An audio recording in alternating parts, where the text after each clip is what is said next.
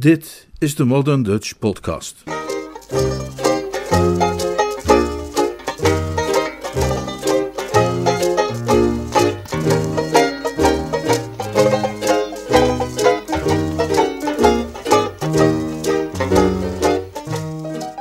Het meisje in de taxi. Een roman van P.G. Woodhouse. Vertaald en voorgelezen door Leonard Beuger.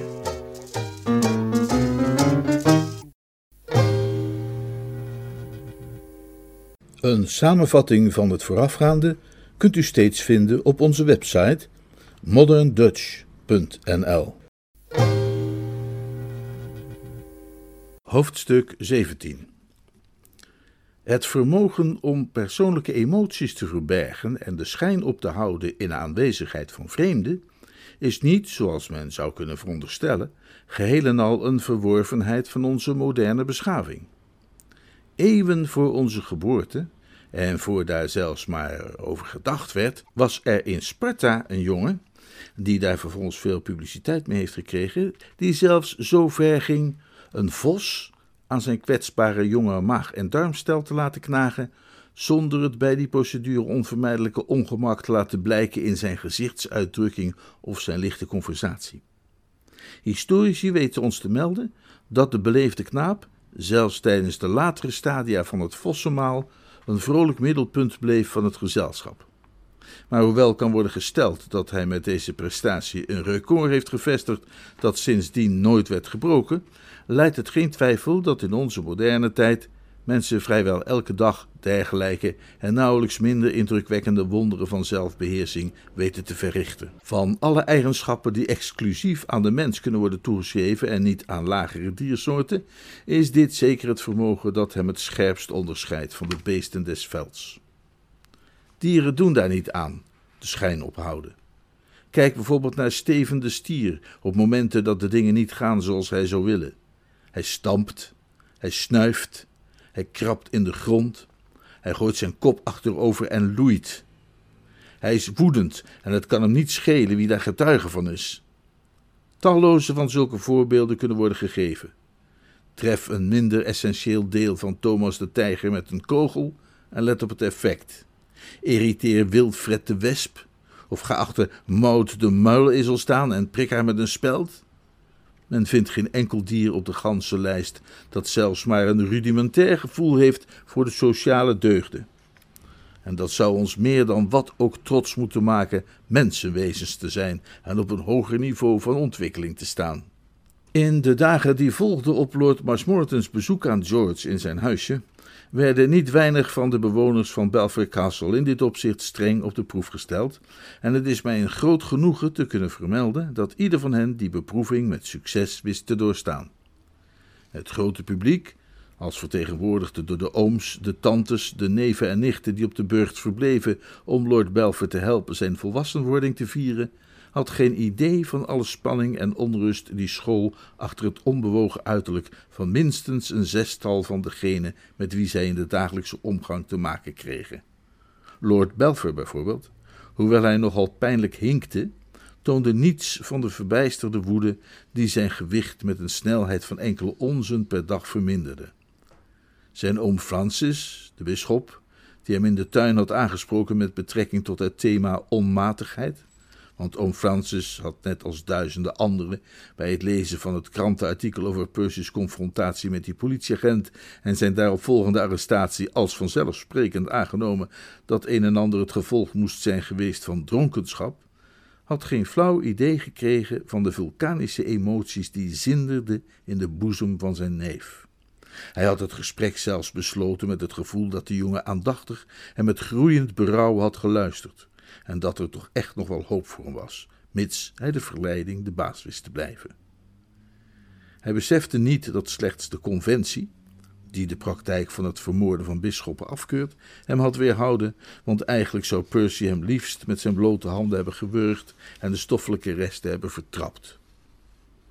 Lord Belfer, die zichzelf altijd buitengewoon serieus nam en niet zo iemand was die ook in zijn eigen tegenslagen wel de humor kan zien, was misschien wel het lastigste geval waar we mee te maken hebben, maar ook zijn zuster Maud werd geplaagd door ernstige verstoringen van haar geestelijke rust. Bij Maud was alles misgegaan.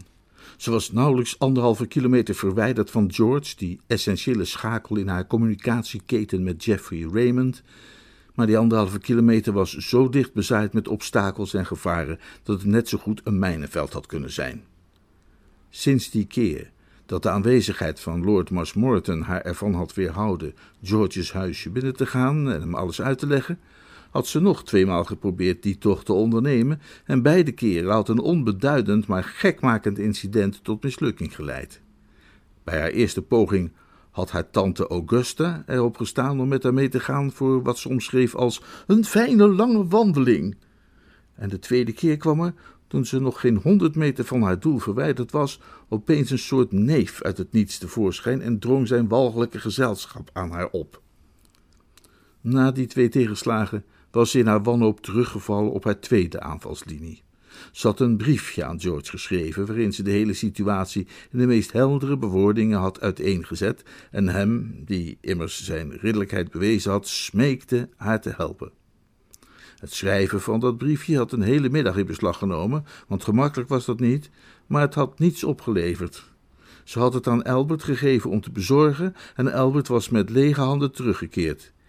Die meneer zei dat er geen antwoord was, milady. Geen antwoord?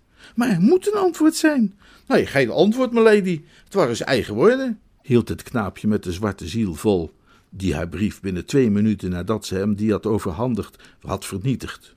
Hij had niet eens de moeite genomen om hem te lezen. Hij was een onpeilbare, gevaarlijke, harteloze knaap, die vocht om te winnen en alleen om te winnen. Het lotje met de naam Erbing bevond zich in zijn zak en in zijn meedogenloze hart het vaste voornemen Erbing en niemand anders het voordeel te gunnen van zijn hulp. Maud begreep er niets van. Dat is te zeggen, ze weigerde resoluut de enige verklaring van het gebeuren die reëel mogelijk leek te accepteren. Ze had George zwart op wit gevraagd om naar Londen te gaan om met Jeffrey te spreken en het uitwisselen van correspondentie te regelen, met hemzelf als een soort verbindingsman tussen Jeffrey en haarzelf. Ze had vanaf het begin het gevoel gehad dat ze een dergelijk verzoek persoonlijk zou moeten doen en niet per brief, maar het was anderzijds ook niet te geloven dat een man als George, die zoveel vanwege haar had doorstaan en wiens enige reden om hier in de buurt te zijn was om haar te helpen, dit koudweg geweigerd zou hebben, zonder er zelfs maar een woord aan te wijden. Maar wat moest ze anders denken? Ze voelde zich meer dan ooit alleen in een vijandige wereld. Toch toonde ze zich voor het gezelschap op het kasteel een stralende en amusante gastvrouw. Geen van hen kon vermoeden dat haar leven niet een en al zonneschijn was. Albert, ben ik blij te kunnen zeggen, voelde zich door en door ellendig. De kleine bruut onderging hevige kwellingen. Hij voorzag Reggie Bing rijkelijk van anoniem advies bij een onbeantwoorde liefde. Uitstekend spul, ontleend aan de weekbladen, waarvan er een stapel lag in de kamer van de huishoudster, het eigendom van een sentimentele meid. Maar het leek weinig resultaat te genereren. Iedere dag en soms wel twee of drie keer per dag liet hij op Reggie's kleedtafel belangrijke notities achter die qua toon overeenkwamen met het briefje dat hij daar op de avond van het bal had neergelegd, maar gemeten naar het effect op de ontvanger ervan hadden het net zo goed lege blaadjes kunnen zijn. De meest uitgelezen citaten uit de werken van gevestigde schrijvers als Tante Charlotte van de rubriek Vergeet mij niet en Dr. Cupido de gebroken hartdeskundige van Aan de Haard, waren aan Reggie kennelijk niet erg besteed. Voor zover Albert kon nagaan, en hij was een van die jongens die praktisch alles binnen een straal van kilometers weten na te gaan, meet Reggie Molds gezelschap nadrukkelijk. En dat nog wel na het lezen van die onschatbare tip van dokter Cupido: zoek bij iedere gelegenheid haar gezelschap. En die uitspraak van tante Charlotte met de strekking dat Menig minnaar zijn dame heeft gewonnen door volhardend te blijven. Albert spelde minnaar, maar het effect is hetzelfde en zichzelf onmisbaar maken door constante kleine attenties. In plaats van zichzelf onmisbaar te maken voor Maud door constante kleine attenties, leek Reggie tot afschuw van zijn voorvechter en schutspatroon het grootste deel van zijn tijd door te brengen met Alice Faraday.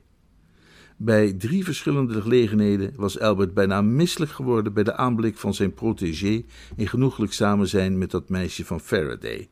eenmaal in een bootje op de vijver en tweemaal in zijn grijze wagen. Het was genoeg om zijn jongenshart te breken en het had Alberts eetlust volledig bedorven. Een fenomeen dat, naar ik blij ben te zeggen, in de bediendenkamer werd toegeschreven aan een reactie op recente excessen zijnerzijds. Het moment waarop Keggs, de butler, hem een klein, vet, vraatzuchtig varken noemde en hoopte dat dit een les voor hem zou zijn zich niet de hele tijd maar vol te proppen met gestolen koeken, was een bitter moment voor Albert. Het is een opluchting de aandacht even af te kunnen wenden van deze gekwelde zielen en opnieuw te richten op het plezieriger beeld dat Lord Marshmoreton ons biedt. Bij hem hebben wij ontegenzeggelijk te maken met een man zonder heimelijke zorgen. Een man die leeft in vredige harmonie met deze beste van alle mogelijke werelden. Sinds zijn bezoek aan George lijkt Lord Marshmoreton iets als een tweede jeugd te beleven. Hij is met nieuwe animo aan het werk in zijn rozentuin en fluit of zingt zelfs hardop flarden van vrolijke deuntjes die populair waren in de jaren tachtig. Zijn jaren tachtig. Luister naar hem terwijl hij bezig is. Hij heeft een lang stuk tuingereedschap in zijn hand en voert het sterfte cijfer in slakkenkringen op met verwoestende snelheid. Tarara, boem, jee, tarara, boem. En dat boem is het cruciale moment. Terwijl dat kalmpjes weer klinkt in de verkwikkende lentelucht, maakt een nieuwe dikke slag de grote verandering door. Heel wonderlijk, die vrolijkheid. Dat doet de mens denken. Anderen hebben het ook opgemerkt, waaronder Lord M's persoonlijke bediende. Ik zweer u, Mr. Keggs, zegt de bediende met ontzag. Vanmorgen heb ik die oude rokker horen zingen in bad. Zat te jodelen als een verdomde Twentse kneu. Ho, zegt Keggs behoorlijk onder de indruk. En gisteravond gaf u me zomaar een halve doos sigaren en zei dat ik een goede trouwhartige kerel was. Ik zeg je, er is iets aan de hand met die oude heer. Let op mijn woorden.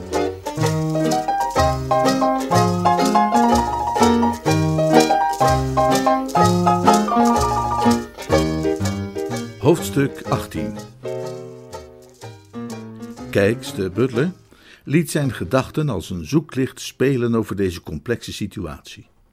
Kijks was een man met onderscheidingsvermogen en scherpzinnigheid.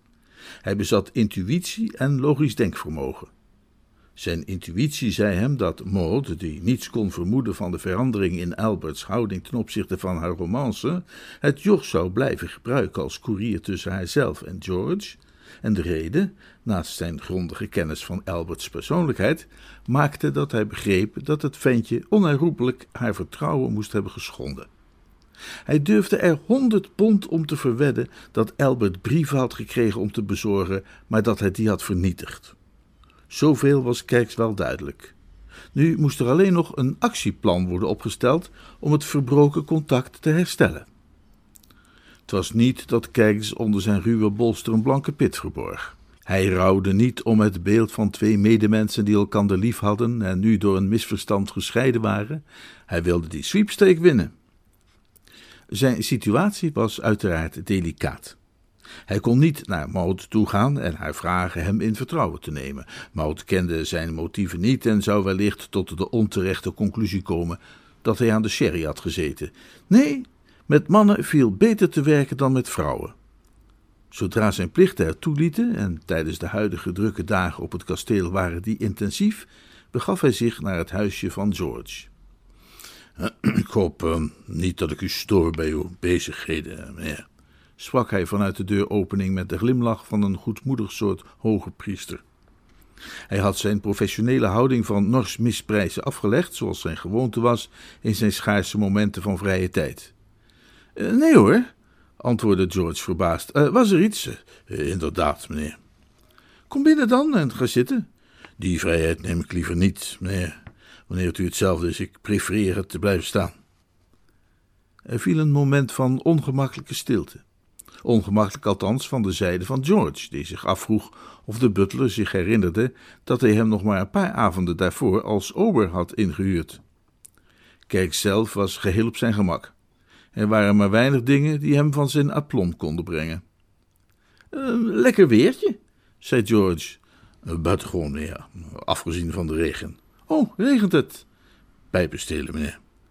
Fijn voor de boeren, zei George. Dat is men inderdaad geneigd te denken, meneer. De stilte viel weer in. De regen droop van de dakrand. Als ik uh, vrijuit mag spreken, meneer, zei Kijks. Natuurlijk, uh, brand los, makker. Pardon, meneer. Ik bedoel, uh, jazeker, ga je gang. De butler schraapte zijn keel. Mag ik dan beginnen met op te merken dat uw kleine affaire van het hart, als ik die uitdrukking mag gebruiken, geen geheim is in de bediendenkamer? Uh, zonder de indruk te willen wekken mij een vrijheid te permitteren of mij iets aan te matigen, zou ik erop willen wijzen dat het volledige personeel op de hoogte is van de feiten. Ja, dat hoef je mij niet te vertellen, zei George ijzig. Ik weet alles van die sweepstake. Een korte vlaag van gêne trok over het uitgestreken gezicht van de butler. Heel even maar. Ik wist niet dat u op de hoogte was van die futiele aangelegenheid, meneer. Maar u zult ongetwijfeld ons standpunt kunnen begrijpen en waarderen. Gokje voor de aardigheid, meer niet. Een spel eigenlijk, om de eentonigheid van het leven hier op het platteland wat uh, te doorbreken. Overonschuldig je maar niet hoor, zei George, en hij moest denken aan iets dat hem af en toe had beziggehouden sinds zijn waken op het balkon. Trouwens, als je daarmee geen geheim verraadt, wie heeft de plummer getrokken? Nee. Wie van jullie heeft er een man die plummer heet getrokken in de sweep? Uh, geloof, meneer, peinsde Keks en fronste een wenkbrauw, dat het een van de bedienden was van de heren die op bezoek waren. Ik heb er niet erg op gelet. Ik uh, had geen hoge dunk van Mr. Plummers kansen. Mr. Mr. Plummer leek mij een uh, quantité négligeable. Correct ingeschat. Plummer is uit de race. Weinig verbazingwekkend, meneer. Alleraardigste jongeman die evenwel ontbreekt aan veel van de essentiële kwaliteiten. Wellicht heeft hij u ook in die zin getroffen, meneer. Ik heb hem nooit ontmoet. Wel bijna, maar niet helemaal. Ik dacht dat u Mr. Plummer misschien op de avond van het bal was tegengekomen, meneer. Ah, ik vroeg me af of je, of je je mij nog herinnerde. Ik herinner me u perfect, meneer. Juist het feit dat wij elkaar eens hadden ontmoet op wat men bijna sociaal niveau zou kunnen noemen, heeft mij de moed gegeven vandaag naar u toe te komen en u mijn diensten aan te bieden als tussenpersoon, mocht u zich genegen voelen van mijn aanbod gebruik te maken. George was verbaasd. Je, je diensten? Precies, meneer. Denk dat ik in een positie ben om, wat men zou kunnen noemen, u een uh, helpende hand te bieden. Maar dat is dan toch opmerkelijk altruïstisch van jou? Nee. Ik vind dat heel onbaatzuchtig van jou. Je bent toch niet vergeten dat jij Mr. Bing hebt getrokken? De butler glimlachte mild. U bent niet uh, volledig op de hoogte van de ontwikkelingen, meneer. Sinds de oorspronkelijke trekking van de namen heeft er een geringe aanpassing plaatsgevonden. De, de kleine Albert heeft nu Mr. Bing en ik heb u, meneer. Een vriendschappelijke overeenkomst, onderling geregeld in de bijkeuken op de avond van het bal. Vriendschappelijk? Van mijn kant zeker. George begon een aantal dingen te begrijpen die hem nogal hadden verbaasd. Dus uh, al die tijd. Precies, meneer. Al die tijd heeft Milady ongetwijfeld in de overtuiging dat de kleine Albert aan haar kant stond ten onrechte haar vertrouwen in hem gesteld.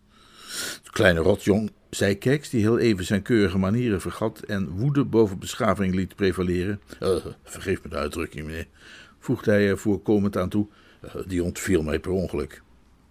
Denk je dat Lady Maud Albert een brief heeft meegegeven voor mij en dat hij die heeft vernietigd? Uh, dat zal, naar ik mij voorstel, ongetwijfeld het geval zijn geweest. De jongen heeft geen scrupules. Absoluut geen scrupules. Allemachtig. Ik begrijp uw consternatie, meneer. Dat moet precies zijn wat er is gebeurd. Ook volgens mij bestaat daar geen twijfel over.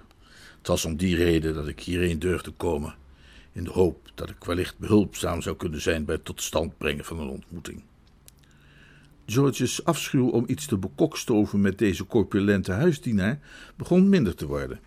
Het was misschien niet erg chic, maar, hield hij zichzelf voor, het was onmiskenbaar praktisch.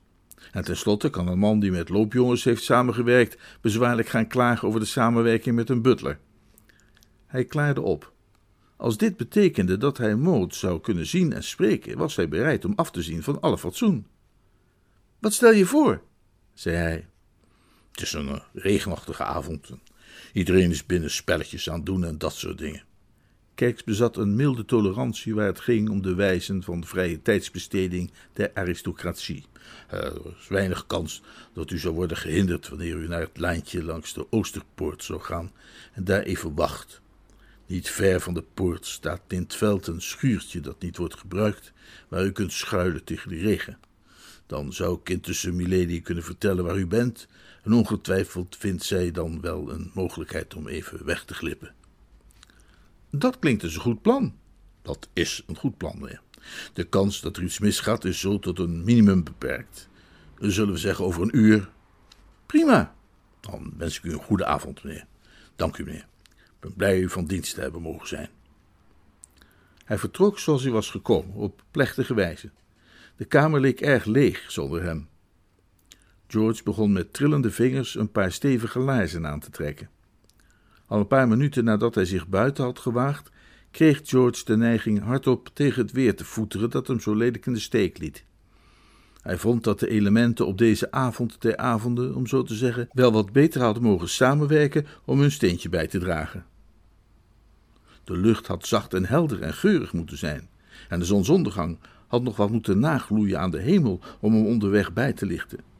In plaats daarvan hing er in de lucht die eigenaardige geur van hopeloze vochtigheid die het einde van zo'n natte Engelse dag markeert. De hemel was loodgrijs. De regen ruiste neer in een gestage stroom, fluisterde van modder en verlatenheid en maakte het pad waar hij moeizaam overheen klotste tot een somber moeras. George werd bevangen door een onheilspellend voorgevoel. Het was alsof een kwaadwillige nachtelijke stem hem boze verwachtingen in het oor lispelde. Hij voelde zich wonderlijk nerveus toen hij de schuur binnenkwam. Het was er donker en somber. In een van de duistere hoeken verriet een regelmatige druppel een lek in het oude dak. Een rat schoot weg voor zijn voeten. Het druppelen hield even op en begon opnieuw. George streek een lucifer aan en keek op zijn horloge. Hij was nog vroeg. Het ging nog zeker tien minuten duren voordat hij haar kon verwachten. Hij ging op een kapotte kar zitten die op zijn kant tegen een van de muren lag. Zijn neerslachtigheid keerde terug. Het was onmogelijk er tegen te vechten in deze gruwelijke schuur. Het was hier net een graf. Niemand dan een idioot van een butler zou dit hebben voorgesteld als ontmoetingsplaats. Geërgerd vroeg hij zich af hoe zulke plekken er zo aan toe konden raken, als mensen zo dringend een schuur nodig hadden dat ze ook werkelijk de moeite namen er een te bouwen. Waarom was het dan opeens weer niet de moeite waard om dat ding een beetje goed te onderhouden? Zinloze verkwisting, dat was het. Dat was alles trouwens, als het erop aankwam. Hier zitten wachten bijvoorbeeld, was zinloze tijdverkwisting. Ze zou natuurlijk niet komen. Er waren tientallen redenen waarom ze niet zou komen. Dus wat had het voor zin reumatiek te gaan zitten oplopen door in dit mortuarium van overleden agrarische ambities te blijven wachten? Helemaal geen. Maar George bleef wachten. En wat een vreselijke plek om haar naartoe te laten komen, als dat door een of ander wonder toch mocht gebeuren. Waar ze zou worden verstikt door de geur van beschimmeld hooi, waar ze nat zou worden door regendruppels en, bedacht George somber, toen hij weer geritsel en gescharrel hoorde over de onzichtbare vloer, door ratten beknabbeld. Je kon toch niet verwachten dat een keurig opgevoed meisje, gewend aan alle gemakken van een comfortabel huis, erg vrolijk zou worden van een peloton ratten dat over haar heen kroop. Het langwerpige grijze vlak van de deuropening werd plotseling verduisterd. Mr. Bevan? George sprong op. Bij het geluid van haar stem begon elke zenuw in zijn lichaam in waanzinnige opwinding te dansen. Hij werd een compleet ander mens. Alle zwaarmoedigheid viel als een mantel van hem af. Hij merkte dat hij allerlei dingen verkeerd had beoordeeld. De avond was bijvoorbeeld een schitterende avond. Niet zo'n akelige, droge, verzengend hete avond die het gevoel gaf dat je niet kon ademen, maar lekker fris en vochtig, hè, met overal dat, dat vrolijke muzikale gespetter van de regen. En die schuur. Hij had het helemaal bij het verkeerde eind gehad wat die schuur betrof. Dat was een geweldig plekje. Geriefelijk, luchtig en vrolijk. Wat is er verkwikkerder dan de, dan de pittige geur van hooi?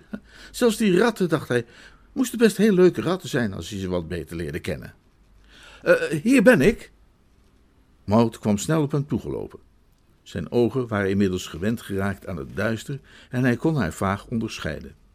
De geur van haar vochtige regenjas kwam op hem af als een zuchtje ozon.